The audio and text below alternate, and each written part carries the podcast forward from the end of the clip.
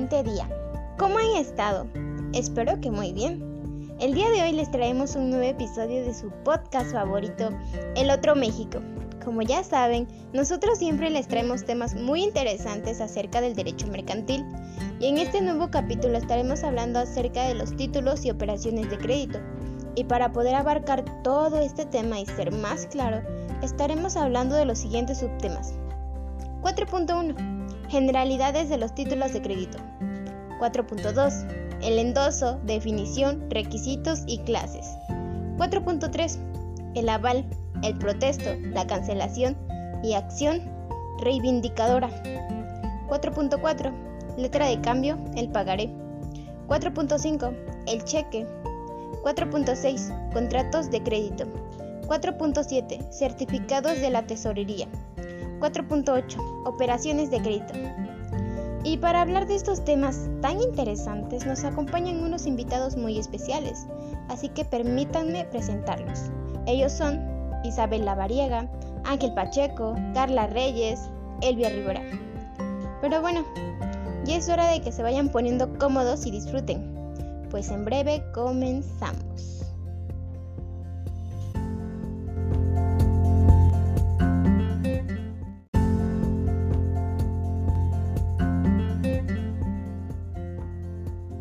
Bien, como ya les mencioné, hoy estaremos hablando de los títulos y operaciones de crédito.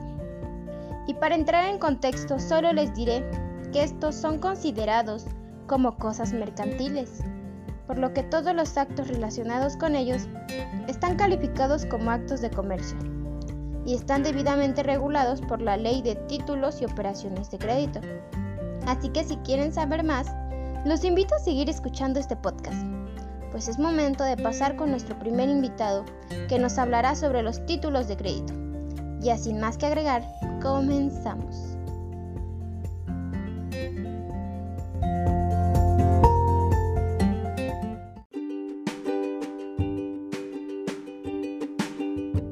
...4.1... Generalidades de los títulos de crédito. Buen día. Pues para entender mejor este tema, primeramente debemos definir qué son los títulos de crédito.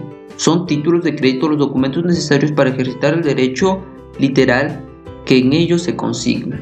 Podemos entender entonces que los títulos de crédito son importantes porque en ellos se describen ciertos derechos que pueden ser beneficiosos en determinadas situaciones. También al ser cosas mercantiles, los títulos de crédito, todo lo que tenga que ver en estos, es decir, su expedición, su endoso, que es algo de lo que estaremos hablando un poco más adelante, su aceptación, entre otras operaciones más son considerados actos de comercio, por lo que todos los derechos y obligaciones que se generen a partir de la práctica de estos están debidamente reguladas por la Ley General de Títulos y Operaciones de Crédito. Ahora eh, pasemos a hablar un poco acerca de los aspectos generales de los títulos de crédito. Así que comencemos con la siguiente. El título de crédito cuyo importe tuviera escrito a la vez en palabras y en cifras valdrá, en caso de diferencia por la suma escrita en palabras, si la cantidad estuviese escrita varias veces en palabras y en cifra, el documento valdrá, en caso de diferencia, por la suma menor. Básicamente el artículo anterior nos dice que las situaciones en que un título de crédito tenga escrita con palabra una cantidad y otra escrita con números, la que se tomará en cuenta eh, y valdrá será la que se encuentre escrita en palabras.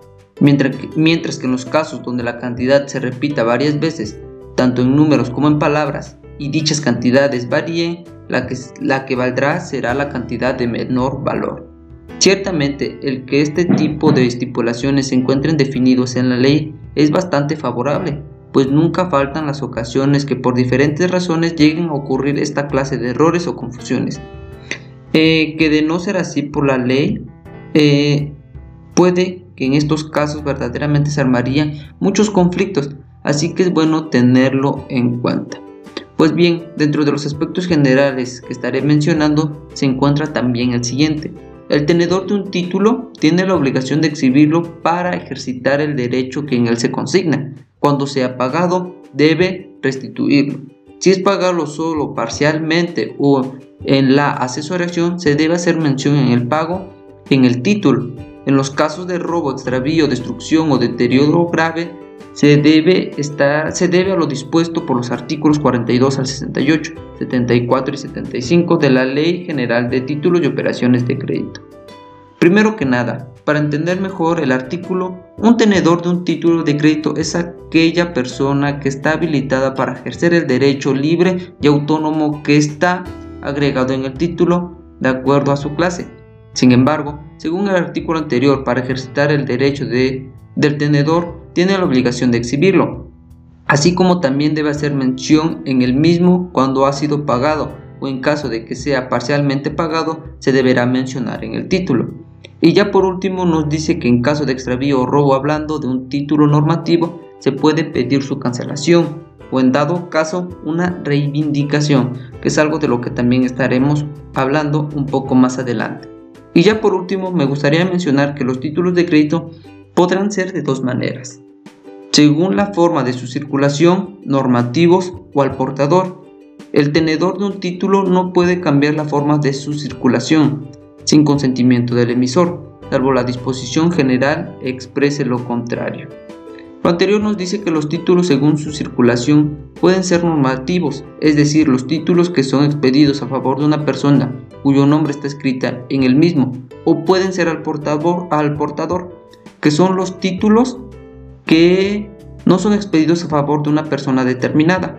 También se nos menciona que el tenedor no puede cambiar la forma de su circulación sin que el emisor de este esté de acuerdo, a menos que haya una disposición legal en él. Y bueno, hasta aquí tenemos el primer tema. Es momento de hablar de otro, el cual es el endoso. Así que vayamos para allá.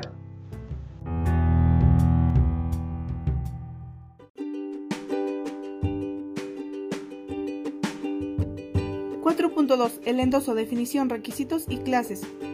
Para comenzar este tema, definamos qué es el endoso, y este es el modo de transmisión propio del derecho cambiario, sin que se desconozca que existan otras formas de transferir los títulos de crédito, como la cesión, la sucesión, etc. Con esto podemos entender que de alguna forma el endoso es la declaración de transferir por voluntad propia un título, el cual contiene usualmente un derecho de cobro de una deuda, también tenemos que la palabra endoso proviene de la palabra dorso, ya que es necesaria la firma del documento por la persona que lo transmite en el dorso del documento. Ya por último, podemos decir que el endoso se puede realizar en cualquier momento antes de que la deuda sea pagada. Entre los requisitos del endoso encontramos que debe constar en el título relativo o en hoja adherida al mismo y llenar los siguientes requisitos el nombre del endosotario, la firma del endosante o de la persona que suscriba el endoso a su ruego o en su nombre, la clase de endoso, el lugar y la fecha. El artículo anterior nos menciona los requisitos del endoso. Es importante resaltar que en caso de que se omita la firma del endosante o de la persona que suscriba el endoso a su ruego o en su nombre, el endoso se hace nulo. En caso de que se omita el lugar, se entiende que el documento fue endosado en el domicilio de quien endosó y en caso de que se omita la fecha se entiende que el endoso se hizo el día en el que el endosante adquirió el documento, a menos que se tengan pruebas de lo contrario. Es claro que estos requisitos facilitan el entendimiento y correcto orden de los endosos. Sin embargo, como todo, nunca faltan las situaciones donde se omiten ciertos datos. Es por ello que es importante saber cómo se manejan estas determinadas situaciones. Ahora, Pasando las clases de endoso, tenemos que puede ser en blanco, en propiedad, en procuración y en garantía. El endoso puede hacerse en blanco con la sola firma del endosante. En este caso, cualquier tenedor puede llenar con su nombre o el de tercero el endoso en blanco o transmitir el título sin llenar el endoso. Eh, este recibe este nombre porque en este tipo de endoso solo firma el beneficiario, por lo que cualquier tenedor puede poner su nombre o el de otra persona. Cuando alguien usa un endoso en blanco, el instrumento se paga a quien lo presente, pues se le considera como un documento al portador, y los documentos al portador se pagan solo a la persona en posesión.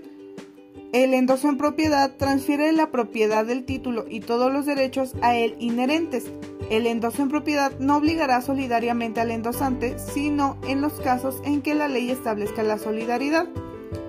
Básicamente, el endoso en propiedad transmite la propiedad del título de forma absoluta, así como todos los derechos que el documento representa. Para esto es necesaria la entrega material del título o documento. Ahora, el endoso que contenga las cláusulas en procuración, al cobro u otro equivalente no transfiere la propiedad, pero da facultad al endosatario para presentar el documento a la aceptación, para cobrarlo judicial o extrajudicialmente, para endosarlo en procuración y para protestarlo en su caso. El endosatario tendrá todos los derechos y obligaciones de un mandatario. El mandato contenido en el endoso no termina con la muerte o incapacidad del endosante y su revocación no surte efecto respecto de terceros, sino desde que el endoso se cancela conforme al artículo 41. Esta clase de endoso, como ya se mencionó, no transfiere la propiedad del título, solamente otorga autorización al endosatario para presentar el documento para su aceptación o para gestionar su cobro, ya sea fuera de la vía judicial o por la misma si fuese necesario. También menciona que el endosatario tendrá todos los derechos y obligaciones de un mandatario y que el mandato contenido en el endoso no acaba con la muerte o incapacidad del endosante. Por último, el endoso con las cláusulas en garantía, en prenda u otro equivalente atribuye al endosatario todos los derechos y obligaciones de un acreedor prendario respecto del título endosado y los derechos a él inherentes, comprendiendo las facultades que confiere el endoso en procuración. En, en el caso de este artículo, los obligados no podrán oponer al endosatario las excepciones personales que tengan contra el endosante. El artículo anterior se refiere a que el endoso en garantía es aquel que contiene las cláusulas en garantía o en prenda y da al, endosatario todos los derechos y obligaciones de un acreedor prendario. Este acreedor puede retener la cosa dada en prenda hasta que el deudor le haya pagado los gastos en que haya incurrido para conservar la cosa dada en prenda. Cabe destacar que esta clase de endoso no transmite la propiedad del título. Y bueno, esto ha sido todo por este tema es momento de pasar a otro, otro tema igual de interesante, que es el aval, el protesto, la cancelación y acción reivindicadora.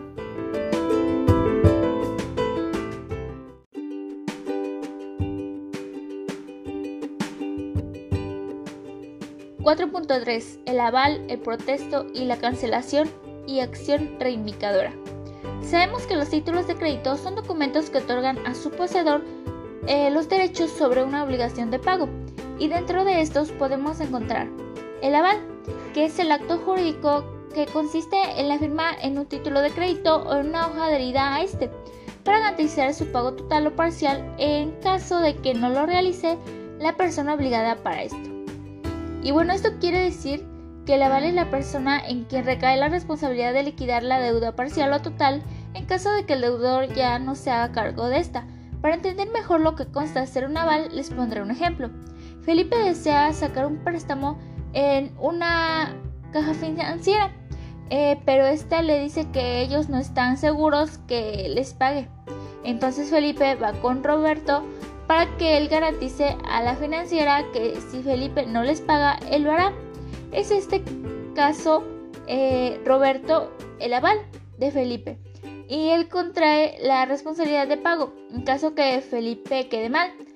Cabe señalar que cualquier persona puede ser aval, pues no necesariamente debe ser un participante de la deuda y que éste, eh, una vez que haya firmado de consentimiento, se acatará a los términos y condiciones imputados al deudor.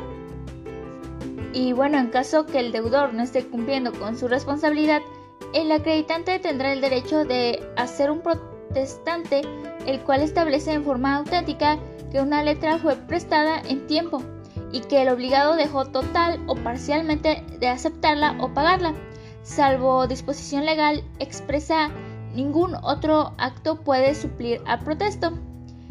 Eh, en palabras más entendibles, el protesto es un documento el cual se expide cuando el deudor dejó de cumplir con sus obligaciones de pago, ya sea de forma parcial o total. Este es expedido por la autoridad competente, que en este caso sería un notario o un corredor público pero en dada situación que no se encuentren estos también eh, lo puede expedir la primera autoridad política del lugar. Su contenido dependerá de los términos y condiciones que se hayan hecho con el acreedor y a falta de criterios, estos dependerán de quién esté levantando el protesto. La finalidad de este es constatar que el deudor no está cumpliendo con sus obligaciones de pago y que en ciertos casos se pueden crear acciones legales. Los títulos de crédito llevan incorporados un derecho literal y la única forma de hacer valer ese derecho determinado es exhibiendo el título. Puede que por alguna u otra razón estos puedan sufrir algún tipo de daño, ya sea desde manchas, rupturas, incluso pérdidas, entre otras. Si este fuera la situación, se puede crear una reivindicación, que es el sustituir el dañado por uno nuevo. Esto quiere decir que surgirían nuevamente los derechos que se tengan sobre el título de crédito. Claro, siempre y cuando se siga el respectivo procesamiento legal y se justifique su autenticidad. Pero no en todos los casos se puede cumplir, ya que si no tenemos la forma de comprobar nuestro derecho, no podremos hacer una reivindicación y se perderá nuestro derecho de cobro y por ende quedará cancelado. Y bueno, ¿qué les ha parecido? Es bastante interesante, ¿verdad? Bien, es momento de pasar al siguiente tema que es letra de cambio, el pagaré. Así que acomódense en sus asientos y continuemos.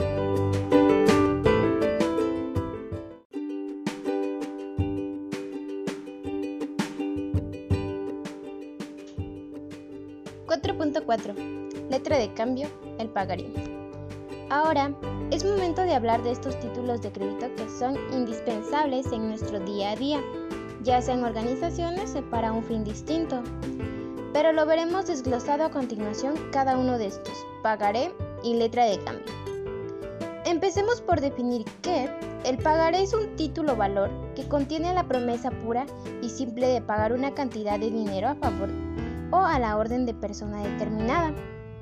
Bueno, dicho esto, el pagaré es uno de los títulos de crédito con mayor posibilidad de ser creado por las partes cuando se requiera, dado que estos títulos, como muchos otros, se encuentran al alcance de todas las personas, es decir, son de fácil acceso, puesto que cualquier persona puede adquirirlo en, la papelería.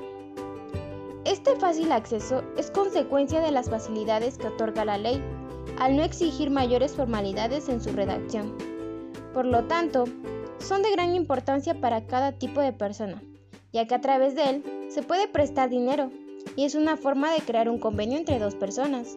Bueno, el uso del pagaré aún está presente en muchas empresas y es importante conocer todos los aspectos clave del documento para poder gestionarlo de una manera correcta. El pagaré debe contener la mención de ser pagaré inserta en el texto del documento, la promesa incondicional de pagar una suma determinada de dinero, el nombre de la persona a quien ha de hacerse el pago, la época y el lugar del pago, la fecha y el lugar en la que se suscriba en el documento y la firma del suscriptor o de la persona que firme a su ruego o en su nombre.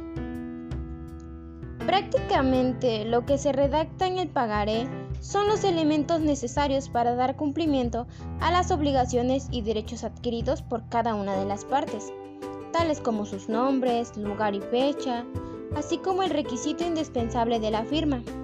Sin embargo, debemos mencionar que a la falta de alguno de ellos puede ocasionar la invalidez del documento e incluso pueden llegar a no tomarse en cuenta en los juicios mercantiles. También es posible que además de quien se obliga al pago comprometido en el documento, un responsable conocido como aval asume igualmente la responsabilidad de cumplir con la obligación de pago, como si fuese el principal obligado a ello. Además, este documento es el más utilizado para respaldar operaciones de compraventa y para préstamos personales que deberán liquidarse en una fecha determinada. Bueno, el pagaré al igual que la letra de cambio puede utilizarse como instrumento de pago, de crédito comercial y financiero y de garantía. Sin embargo, a diferencia de ella, no contiene ni mandato de pago ni aceptación, únicamente consiste en una promesa de pago. Ahora, veamos que la letra de cambio es un título valor que incorpora una orden de pago del librador dirigida al librado, para que pague una cantidad de dinero al tomador o futuro tenedor del título y una promesa de pago del propio librador en la que se compromete a satisfacer la cantidad expresada en el título en el supuesto de que el librado no lo haga. Entendemos pues que la letra de cambio es un documento mercantil muy indispensable, que generalmente es emitido y que lleva a cabo una orden de pago. Y prácticamente un ejemplo del que podríamos destacar es que este se utiliza por un vendedor para garantizar el pago de la venta realizada y que posee unas determinadas características y peculiaridades. A través de la letra de cambio, el vendedor puede dar financiación a sus clientes con la garantía de que cobrará el dinero en la fecha de su vencimiento. Hay que tener en cuenta que la letra de cambio ya no está en uso porque era una forma un tanto más inconveniente. La letra de cambio debe contener la mención de ser letra de cambio inserta en el texto del documento, la expresión del lugar y del día, mes y año en que se suscribe, la orden incondicional al girado de pagar una suma determinada de dinero, el nombre del girado, el lugar y la época del pago, el nombre de la persona a quien ha de hacerse el pago y la firma del girador o de la persona que suscriba a su ruego o en su nombre. Es muy importante tener en cuenta que si llevamos a cabo todos los requisitos que pide para rellenar una letra de cambio, este será realizado sin problemas. Por lo tanto, debemos hacer énfasis en que todos y cada uno de los elementos son vitales, ya que consta de los nombres de las partes que intervienen en él, el lugar del pago y la suma acordada. De igual manera, son indispensables las firmas para que tenga validez legal. Esta letra de cambio la emite el acreedor o beneficiario y en ella exige la aceptación explícita del deudor, lo que no ocurre con otros instrumentos financieros. Otro punto relevante es que permite fijar intereses al momento del pago, cosa que no ocurre con el cheque, por ejemplo, cuando se trata de un crédito y no de un pago a la vista. En lo particular, me parece bien que este tipo de documentos se adapte a un plazo determinado, ya que se lleva un mejor control para que cuando llegue el día y la hora fijada esté la cantidad establecida.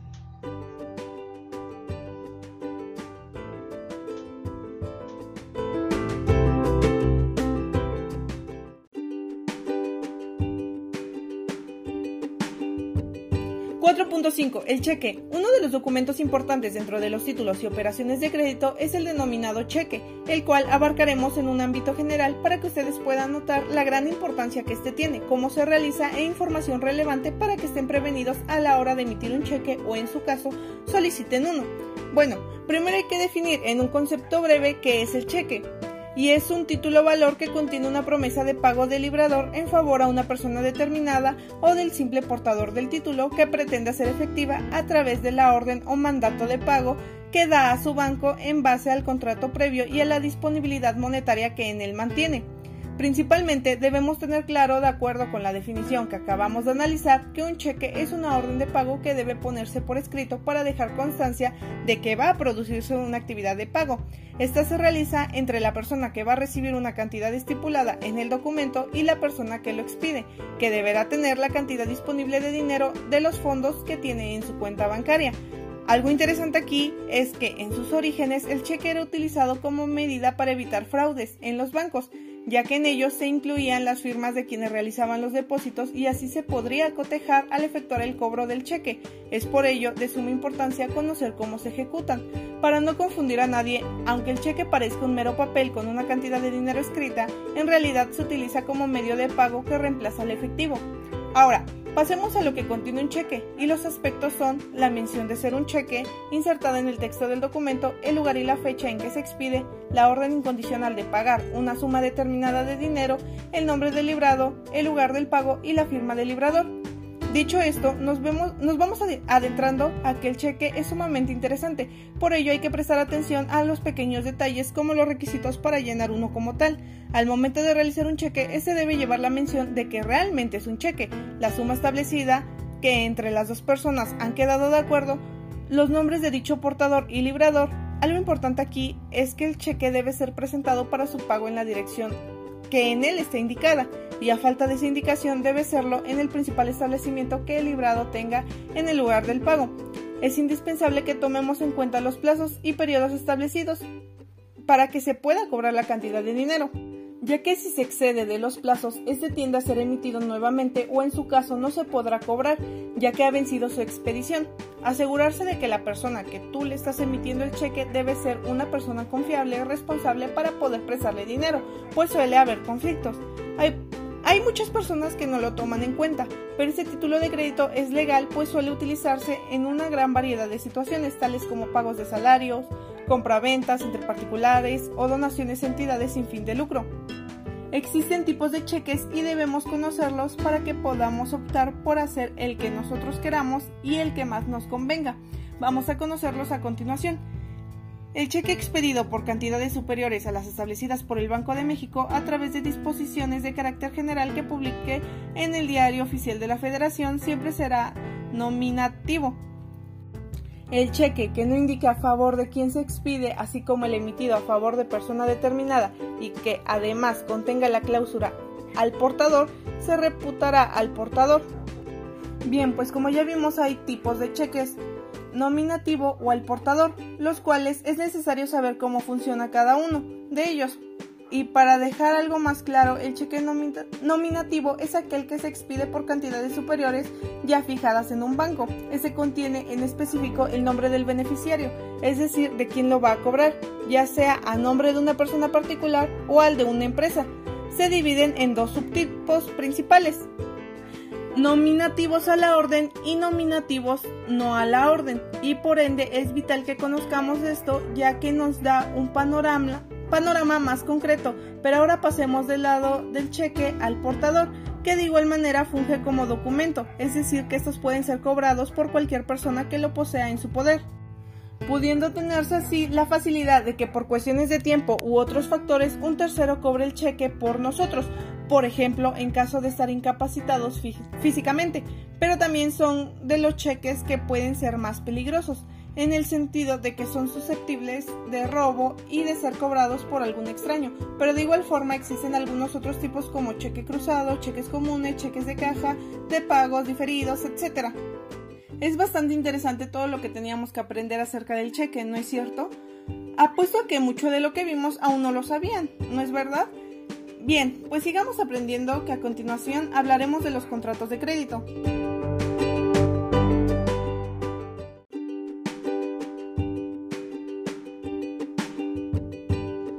...4.6... Contratos de crédito.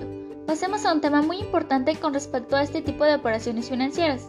Pero para hablar de ello, primero hay que definir qué es un crédito se entiende por crédito al contrato por el cual una persona física o jurídica obtiene temporalmente una cantidad de dinero de otra, a cambio de una remuneración en forma de intereses. Se distingue del préstamo en que en este solo se puede disponer de una cantidad fija, mientras que en el crédito se establece un máximo y se puede utilizar el porcentaje deseado. Eh, bueno, esto quiere decir que al solicitar un crédito eh, de dinero y no se es otorgado, estamos firmando un contrato de crédito, que por lo general está respaldado por un título de valor, como un pagaré, y como comentaba, eh, con una retribución de intereses. También es importante mencionar que usualmente lo conceden los bancos, ya que para recibir un crédito es indispensable no estar en buro de crédito, es decir, que no cuentes con un historial de que eres un mal pagador. Para comprender un poco más sobre lo que es un contrato de crédito, les pondré algunos ejemplos. Cuando queremos comprar una casa, en lo primero que pensamos es un préstamo, hecho por un banco. Y cuando solicitamos eh, ese préstamo y este es aprobado, eh, estamos celebrando un contrato de crédito con una entidad financiera. Igual sucede cuando aceptamos una tarjeta de crédito con esta apertura de crédito podemos comprar casi cualquier cosa, es decir, eh, puedes comprar electrodomésticos, electrónicos, comida, ropa, juguetes, herramientas, entre otros. Eh, no está restringida a comprar determinados objetos. El único límite es el que otorgue el banco emisor. Eh, por otro lado, están los contratos de apertura de crédito automotriz, ya que son utilizados para comprar autos. Eh, los autos pueden ser nuevos o usados y bueno, en este contrato el auto será lo que garantizará el pago de la deuda, ya que en este caso de no cubrir los pagos, la persona u organización que se lo vendió tiene el derecho de adueñarse del automóvil nuevamente. Así que en conclusión puedo decir que todas estas operaciones de crédito corresponden a un contrato de crédito que se realizan en algún momento de la vida. Ahora, ya conoces un poco más sobre lo que son los contratos de crédito. Sin embargo, este tema no termina aquí, ya que este tipo de documento así como tiene un principio, también un final. El crédito se extinguirá cesando en consecuencia el derecho del acreditado a hacer uso de él en lo futuro por haber dispuesto el acreditado de la totalidad de su importe a menos que el crédito se haya abierto en cuenta corriente por hallarse eh, cualquiera de las partes en estado de suspensión de pagos, de liquidación judicial o de quiebra, por la muerte, interdicción, inhabilitación o ausencia de acreditado o por disolución de la sociedad a cuyo favor se hubiera concedido el crédito. Eh, así como se apertura un crédito, también se extingue por las causas comunes a todo contrato bilateral, como son el transcurso del plazo convenido, la muerte del acreditado, eh, por incumplimiento, entre otros. Eh, también es motivo suficiente para la extinción del contrato que la organización que haya otorgado el crédito cobre su dinero embargando el patrimonio del deudor sobrevenido a la celebración del contrato y que le impida seguir cumpliendo las obligaciones que se derivan del mismo. Eh, por otro lado, también ocurre con el incumplimiento de la obligación de prestar las, garantías acordadas o con la devaluación o desaparición de las garantías ya prestadas. Eh, siempre que el cliente no las sustituyera o reconstituyera eh, desde el punto de vista del cliente acreditado, hay un motivo de denuncia, por ejemplo, cuando el banco se niega injustificadamente atender las órdenes de disposición de la línea de crédito. Y bueno, en cuanto a los efectos de la extinción, eh, procederá la reintegración a organización financiera de las cantidades que hasta ese momento se hubieran dispuesto por el acreditado o cliente del banco. Y bueno, también así como los intereses pactados. Y bueno, esto es muy interesante ya que como futuros administradores estaremos rodeados de actividades relacionadas con crédito, contextualizando eh, de acuerdo al tipo de área en el que deseamos laborar. Así que para continuar expandiendo nuestros conocimientos, acompáñanos al siguiente tema que es certificados de la tesorería.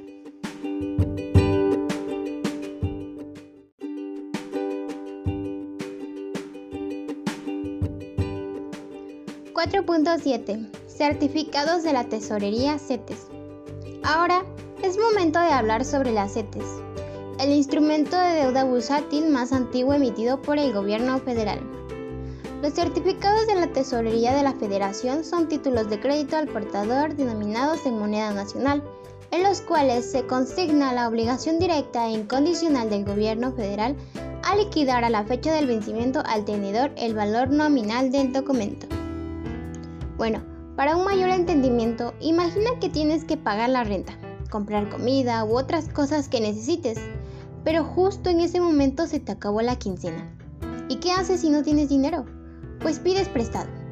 El gobierno es igual, necesita dinero para hacer puentes, carreteras, pagar sueldos y muchas otras cosas más.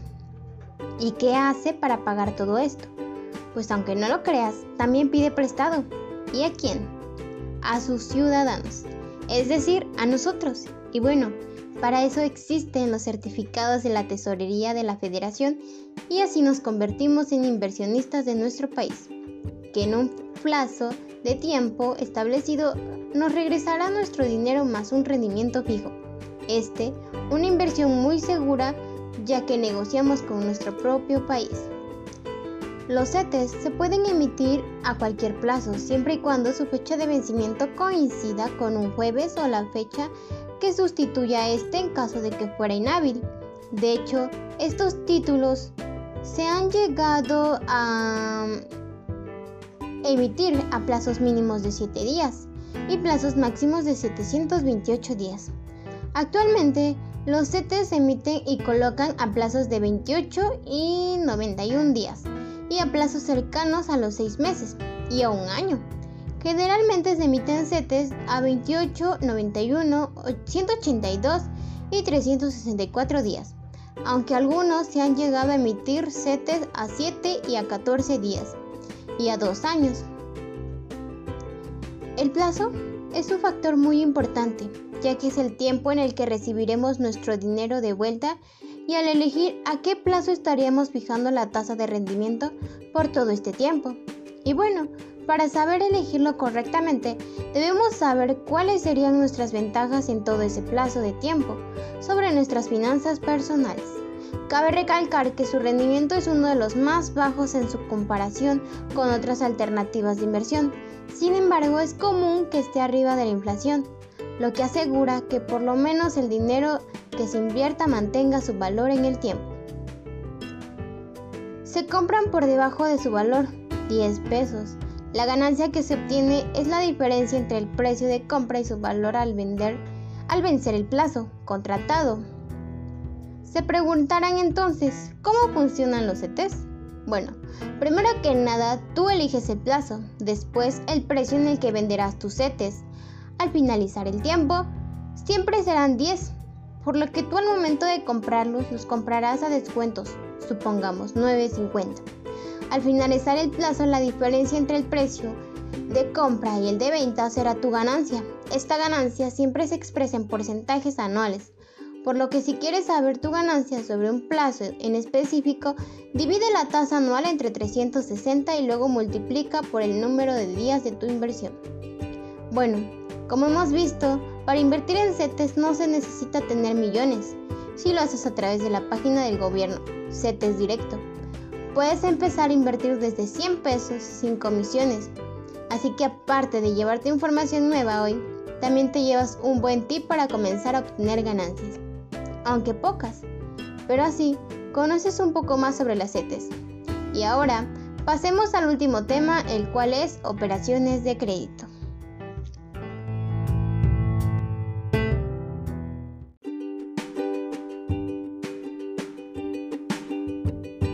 4.8 Operaciones de crédito. Las operaciones de crédito usualmente son contratos o, negociaciones sobre valores o mercancías.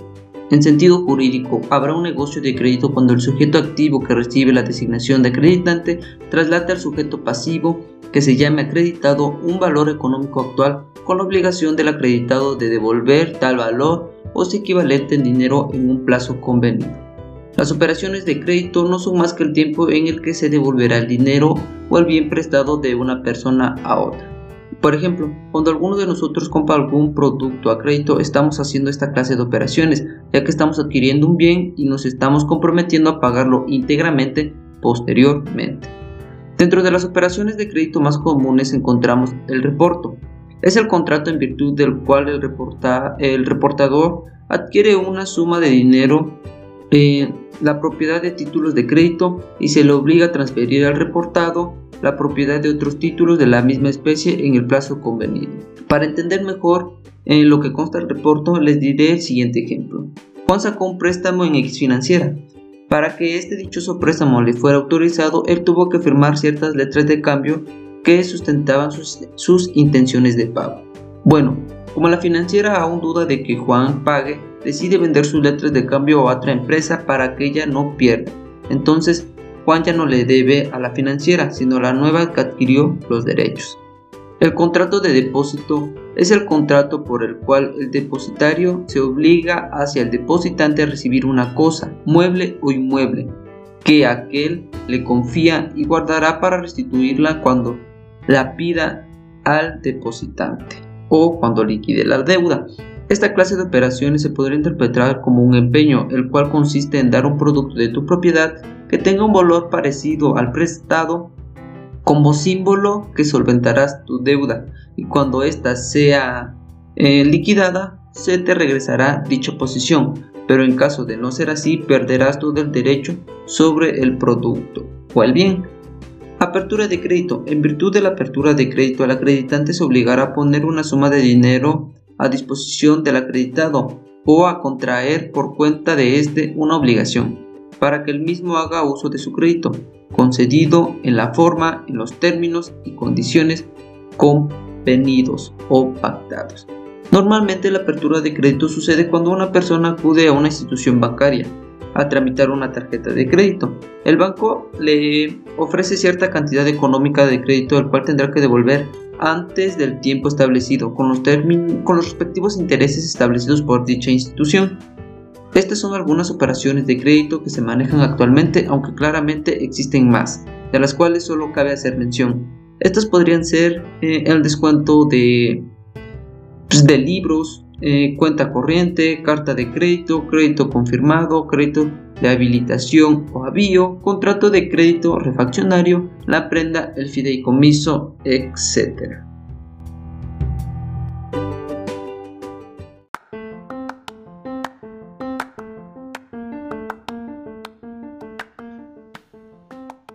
¿Qué tal les han parecido los temas?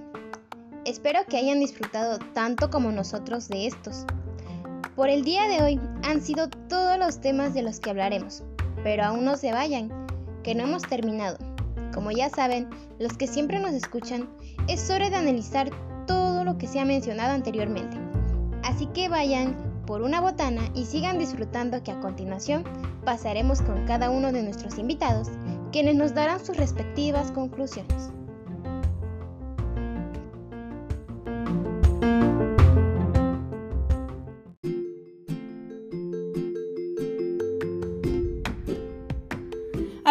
Este y otros episodios hemos podido aprender muchas cosas, entre ellas el que hay ciertas cosas que son necesarias en varios aspectos mercantiles que determinan la validez, la legalización y los acuerdos que se deben cumplir cuando se trata de situaciones o actos de comercio.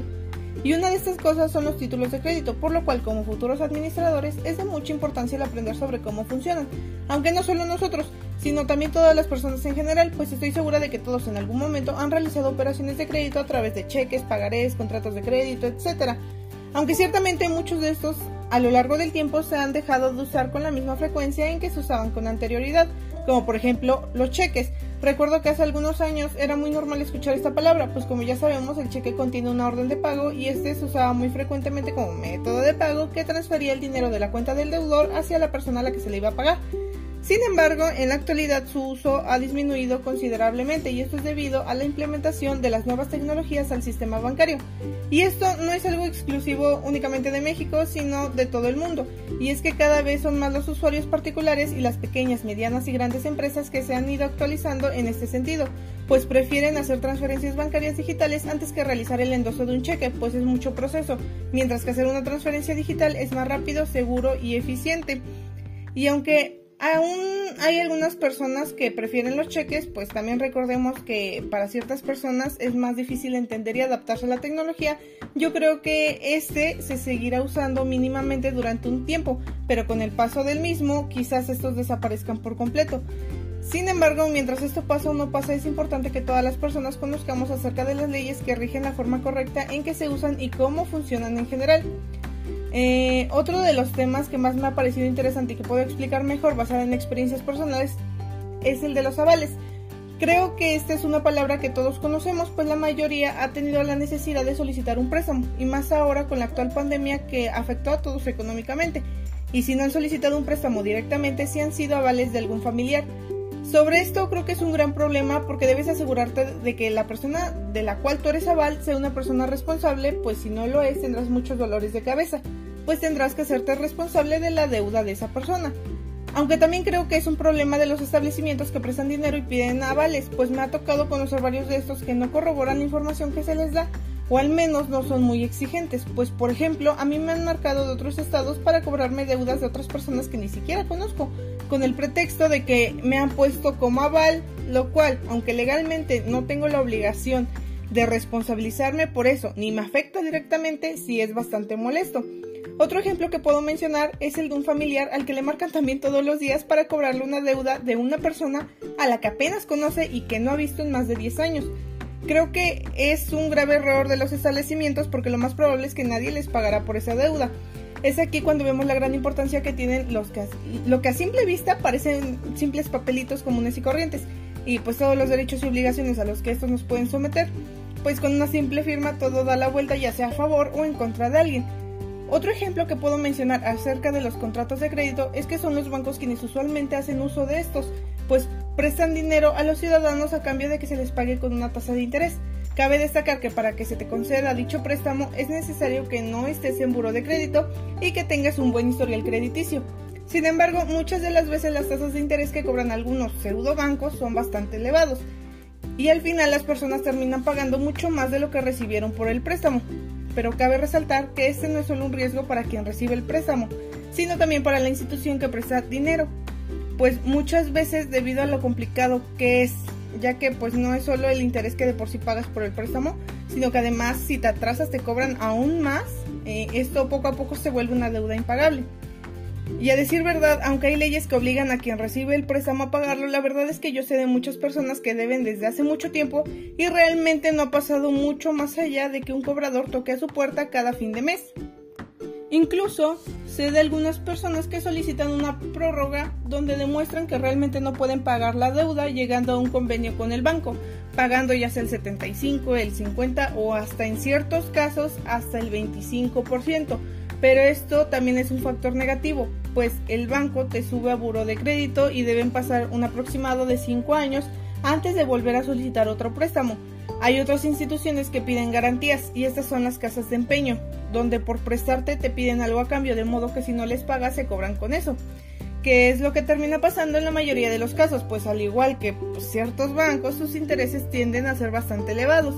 Sin embargo, a pesar de esto, eh, este tipo de establecimientos se podría decir que de una u otra forma están regulados por las leyes.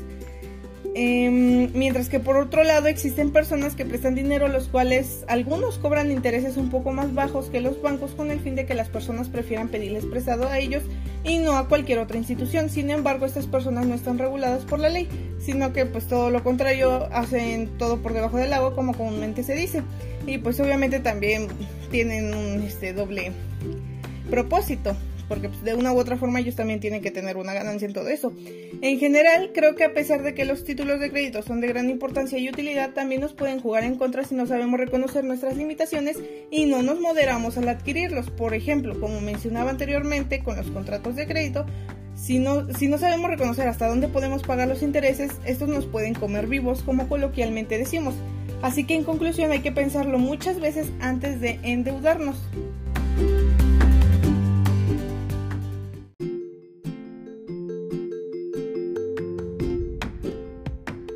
Sabemos que en cada episodio de este subpodcast llegamos a un punto en el cual nos ponemos a reflexionar acerca de los temas tratados. En esta emisión tratamos el tema de títulos y operaciones de crédito, en el cual pudimos reflexionar varias cosas y al mismo tiempo nos pudimos dar cuenta de algunas otras que se están haciendo mal o se están omitiendo por parte de nuestras sociedades. Al estar presentándoles este episodio se me vino a la mente la frase de una canción, la cual tiene relación con los temas que estamos presentando, la cual dice así, enamorarse un poco más de la cuenta es una mala inversión. Puede que ustedes estén preguntando, una frase de desamor, ¿qué tiene que ver con el contenido? Y bueno, esta frase nos ayuda a entender el sentido de una deuda. Nosotros como futuros administradores debemos tener muy presente la doble cara de la moneda, ya que podemos estar jugando en ambas partes al mismo tiempo. Esto es posible ya que la organización que estemos prestando nuestros servicios, suponiendo que sea de producción de productos, por un lado, estaremos haciendo uso de las operaciones de crédito de nuestros clientes y por otro lado, nuestros acreedores y acreedores diversos tendrán en su poder algún título u operación crediticia a su favor. Entonces la frase nos ayuda a entender y a reflexionar, eh, también a tomar en cuenta la situación económica en la que nos encontramos para hacer que nuestra empresa florezca y no caiga. Quiero que esta pequeña reflexión nos ayude a entender el cómo podemos hacer el uso de estos, ya que no solo son a favor, sino también en contra. Y eso nos debe ayudar al momento de hacer uso de ellos, o sea, de los títulos y operaciones de crédito. Durante esta emisión, entendimos que los títulos de crédito son documentos que nos son útiles al momento de hacer acciones que sean de índole monetarias, ya que al momento de realizarlas pudiesen crear ciertos problemas con respecto al monto final que debemos liquidar a nuestros acreedores o nuestros deudores nos estén liquidando. Es por ello que para evitar esta clase de conflictos debemos hacer uso de algún título de crédito, porque en ellos se describen ciertos derechos que pueden ser beneficiosos en determinadas situaciones. Así que su uso es fundamental en nuestro día a día, no solo en el campo laboral, sino también en nuestra vida personal. Pero ojo, el hacerlos valer no es nada más así como así, puesto que deben cumplir con ciertas características propias de cada título. Generalmente estas recaen en las siguientes, nombre del título, razón o motivo de expedición, nombre del deudor y el acreedor, fecha de expedición, monto en número y letra, fecha de culminación, cláusulas y firmas de consentimiento. pero hay que aclarar que estas pueden variar dependiendo de las circunstancias del título que estemos haciendo uso. Esto es importante que lo chequemos al momento de expedirlo porque si fallamos en alguna de estas partes pueden caer en problemas al momento de hacer el cobro. Y no creo que nuestros patrones o socios estén muy contentos si perdemos una cantidad considerable de recurso monetario. Del mismo modo, podremos hacer uso de un pequeño truco si deseamos prestar dinero a personas que no estemos seguros que nos paguen. Y esta sería mediante el endoso, que es el estipular a quien debe pagarse la letra. Podremos poner a otra persona para conseguir, para designar que no es nuestro dinero. Yo creo que es un tip muy beneficioso, ya que normalmente esta clase de situaciones se da con nuestras familias. En esta parte quiero hacer mucho énfasis, porque este error lo cometen demasiadas personas y me da mucho coraje ver que algunas personas se aprovechen de las otras por su falta de conocimiento para sacar provecho de ello. Me refiero al que queden de aval. Entendimos que el aval es aceptar la entera responsabilidad de pago en caso que el deudor no lo haga de forma parcial o total. Entonces el aval cumplirá con esto. Vemos muchos casos en que las personas por su ignorancia quedan y los deudores conchudos hacen recaer esta responsabilidad en ellos. Así es que mi consejo es que nunca, nunca por ningún motivo, o ya sea en casos muy particulares, vayan a quedar de aval. Su servidor en su futuro campo laboral le exige que cobre las deudas para que la organización no tenga pérdidas y no importa si las paga el deudor o el aval, siempre y cuando éstas sean saldadas. Así que no vayan a quedar, porque es feo andar forzando a las personas que paguen siendo que ellas no utilizaron el dinero o no lo disfrutaron. Por otro lado, si nosotros somos los acreedores, es muy recomendable que fomentemos el expío del protesto, que éste nos ayudará a verificar que el deudor no está cumpliendo con su responsabilidad de pago. Y al expedir este documento nos ayudará al acudir con las autoridades a hacer valer nuestro título de crédito. Las siguientes observaciones que les desglosaré es algo que debemos prestar demasiada atención porque si nosotros como empresa por alguna razón nuestro título de crédito sufre algún imperfecto desde mancha hasta la pérdida, pueden pasar algunas de estas dos situaciones. La primera lo podemos reivindicar mediante el procedimiento correspondiente, o sea que lo utilicemos con uno nuevo para no perder nuestro derecho o dos en caso de no poder comprobar la veracidad de nuestro título porque se perdió o X circunstancia se cancelará y perderemos nuestro derecho de acreedor. Estos dos conceptos se me hacen bastante beneficiosos porque sea cualquiera de las partes en las que nos encontremos nos ayudarán si sufre un percance nuestro título de crédito, ya sea desde un cheque, pagaré, letra de cambio, etc. Por último, las operaciones de crédito nos ampliaron el panorama de cómo las debemos usar o cómo son usadas hacia nosotros. De igual manera, quiero hacerles mención que debemos tener mucho cuidado al momento de hacer uso de ellas, ya que no siempre leemos bien de qué constan o de qué tratan. Cuando las intentamos pagar en algún, pues ya sea ante alguna tienda departamental o conveniencia, esto se vuelve un verdadero problema. Pero es algo que nosotros aceptamos y debemos de liquidar. En conclusión, considero que este tema nos ayudó a ampliar nuestro conocimiento de lo que será nuestro campo laboral y de qué va a, costar, a constar. Pero más allá de eso, también nos ayudó y nos sirvió para saber cómo las entidades que brindan servicios de índole económica utilizan los títulos y operaciones de crédito para no generar pérdidas y hacer que sus deudores siempre terminen liquidando sus deudas, ya sea por la buena o por la mala.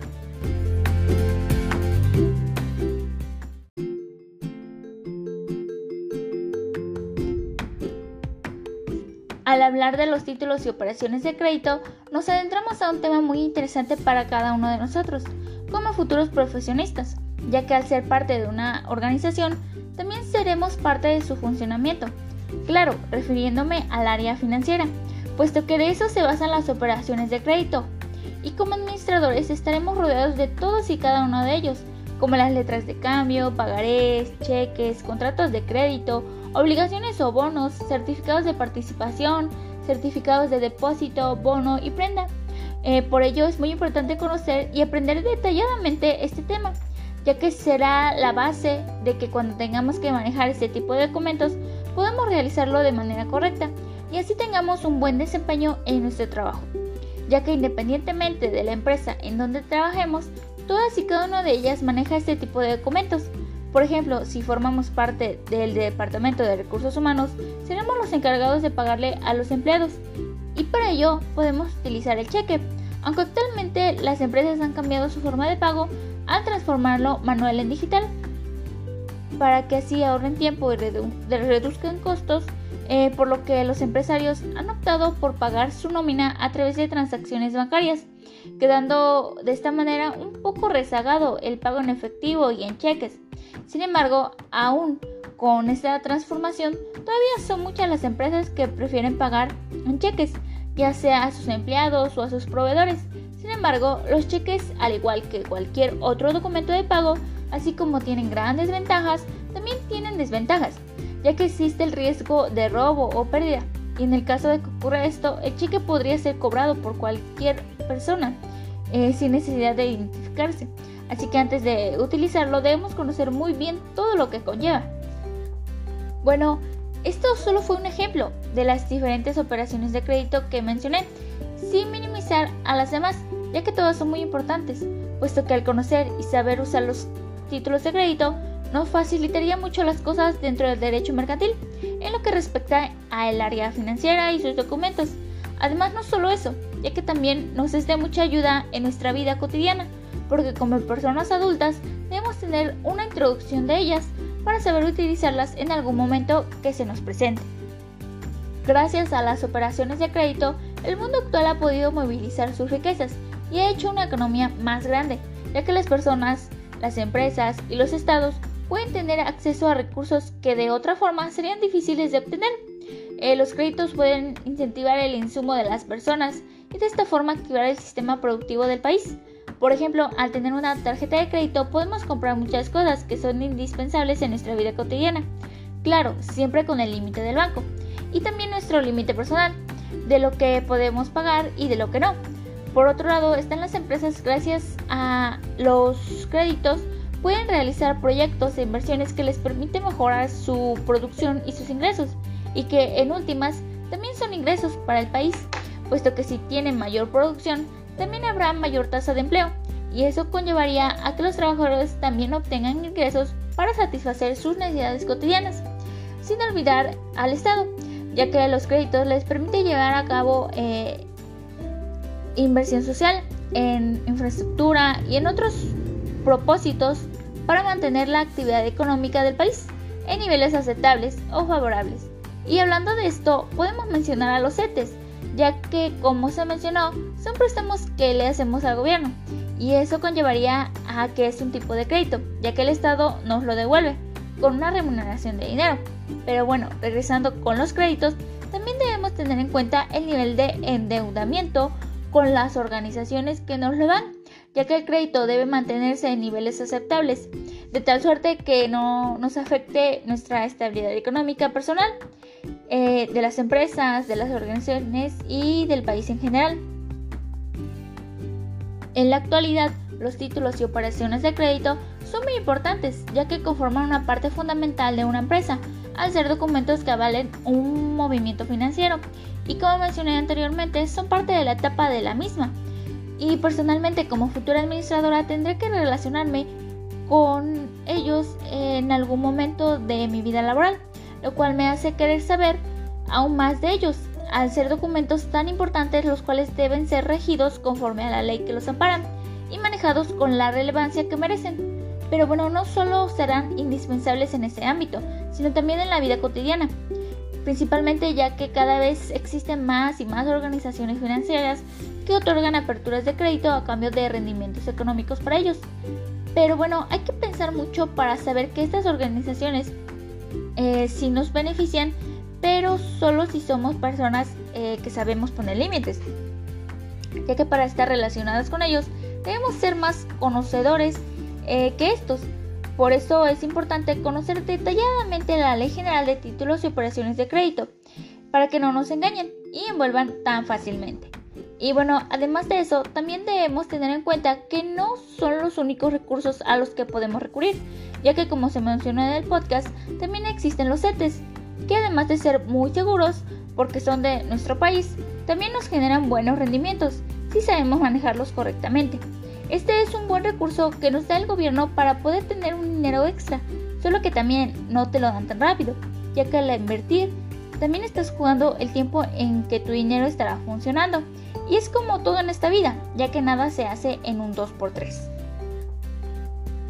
Es por ello que esta unidad es de mucha ayuda no solo para mí, sino también para las personas que tengan la oportunidad de estar escuchándonos en este momento, para que puedan tener la información necesaria y tomar las decisiones correctas con respecto a su economía, y así no se dejen engañar tan rápido, sin conocer todo lo que conlleva una apertura de crédito, o manejar un pagaré o un cheque, en fin, todo debe llevar un conocimiento como base principal para que al momento de estar frente a una situación que conlleve este tipo de documento podamos manejarlo adecuadamente y así no tener consecuencias negativas de cualquier movimiento financiero que deseemos hacer personalmente o cuando estemos laborando en alguna otra organización que los maneje.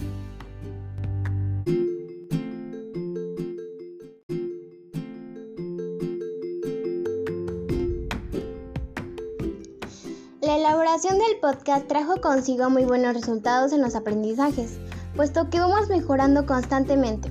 Y les puedo asegurar que el tema abordado lo pude comprender en un ámbito general, ya que a través de la búsqueda de información entre todos los compañeros amplió más mi panorama. Cabe mencionar que los títulos y operaciones de crédito están al contacto constantemente con nosotros, ya sea en la vida cotidiana, tanto con empresarios, comerciantes, maestros y de toda índole porque estos simples documentos nos ofrecen facilidades, ya sea al momento de emitir un documento como tal o expedirlo, los cuales tienen como finalidad primordial garantizar una obligación de pago. Y cada uno de estos títulos de crédito, a pesar de que su función es similar, cuentan con características específicas tanto para su expedición como para su cobro. El análisis que he desarrollado a lo largo de este episodio me permite no solo identificar cada uno, cada uno de dichos títulos de crédito, sino que también saber cuáles son las características legales que le corresponden para su validez, tomar en cuenta las consideraciones que la misma ley señala para efectuar el mismo sin ningún contratiempo legal. Dentro de mi desarrollo profesional como administradora, pienso llevarlo a cabo de la manera correcta, y el saber qué es un título de crédito, la forma de expedición y cobro de este me va a permitir brindar una asesoría adecuada a las personas que requieran de mi ayuda en la prevención o solución de un problema que tenga que ver con los títulos de crédito. Como bien, se decía durante las intervenciones de cada uno de los compañeros, las ventajas de los títulos de crédito son muchas, ya que por ejemplo en un pagaré se ejerce el derecho de cobro por una cantidad en una fecha y un deudor determinado. También facilitan el ejercicio legal porque se ejecuta el cobro a través de un juicio mercantil. Por otro lado, en un cheque existen las ventajas de que sin tu firma el cheque no tiene validez. De igual manera, te da protección y seguridad de no cargar contigo dinero en efectivo. No hay que olvidar que la letra de cambio es una forma más fácil de pagar tus deudas sin que te cobren intereses. Por lo tanto, es un sistema útil para cobrar al deudor. Para este título se dejó de llevar a cabo ya que en él por el caso contrario, si tú otorgabas una letra de cambio, no recibías intereses por ser el portador. Para haber entendido todo, se tuvo que analizar detalladamente qué elementos le corresponden a esta, y me parece algo bueno, ya que es mucho más fácil identificar qué es lo que conlleva cada documento. No obstante, mencionarles que se destacaron temas importantes como la persona denominada como aval, el cual es aquel sujeto en quien recae la responsabilidad de cumplir con la deuda en caso del que solicitó el documento no liquide toda la cantidad establecida, o en su caso todo por completo. Por eso es de suma importancia conocer todo lo relacionado a este, ya que pues viéndolo desde este punto sí perjudica al aval. Pero de igual forma, el contrato de crédito es una operación financiera de la cual una persona presta una cantidad de dinero estableciendo plazos así como los documentos que se vieron.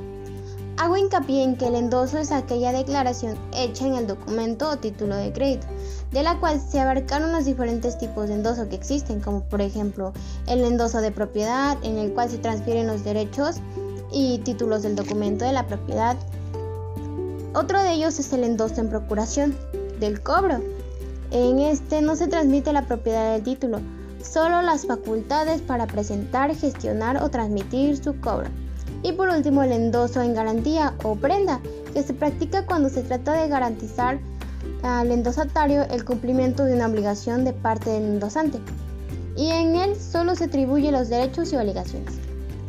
En nuestro país, los títulos y operaciones de crédito son muy indispensables y para en el caso de la ciudadanía, las CT se asemejan a estos, porque resulta ser un instrumento fácil de abrir, adquirir, de dar seguimiento y está al alcance de todos los mexicanos. Además de que es una inversión segura que si bien no te promete grandes rendimientos, pero te da la seguridad de que tu dinero se mantenga en su valor sobre el tiempo. En el caso de la acción reivindicadora de algún documento, les puedo decir que esto se puede llevar a cabo siempre y cuando se manifieste con cada una de las partes, que dicho título ha sido perdido, mojado o por alguna otra situación de descuido, que se puede volver a llevar a cabo, y por ende asignar nuevamente los derechos. Y en su caso contrario, si no se comprueba que es así, este será cancelado, que prácticamente no le conviene a nadie por los conflictos que se puedan crear. En lo particular, se me hace más conveniente optar por el título que es el pagaré, ya que en él podemos definir ciertos intereses al momento del cobro y cobrar algo adicional. Algo aquí interesante es que la información emitida por la ley es insuficiente, ya que hace falta hacer algo por mejorarla. Como tal, no están bien definidos algunos parámetros y dentro de nuestro entorno social, pienso que ya deberían haber hecho algo por corregir. Quizás algunas personas no lo tomen muy en cuenta, ya que no les interesa o simplemente lo dejan pasar. A mi manera de pensar siento que estamos algo atrasados, que debería haber mucho, muchas más modificaciones en cuanto a su regulación, pero bueno, hay que entender que esto no cambiará, o tal vez sí, pero no por ahora.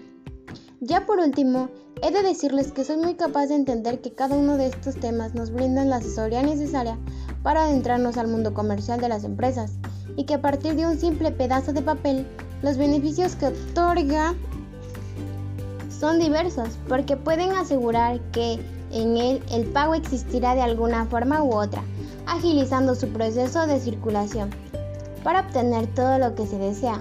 Para finalizar con mi intervención, solo me gustaría decirles que no cuento con experiencia para abarcar un tema del cual se despliega una gama de información, pero sí que con la guía de diferentes leyes, autores y de la experiencia de un profesional en materia de derecho, trato de comprender cómo funciona cada sistema legislativo.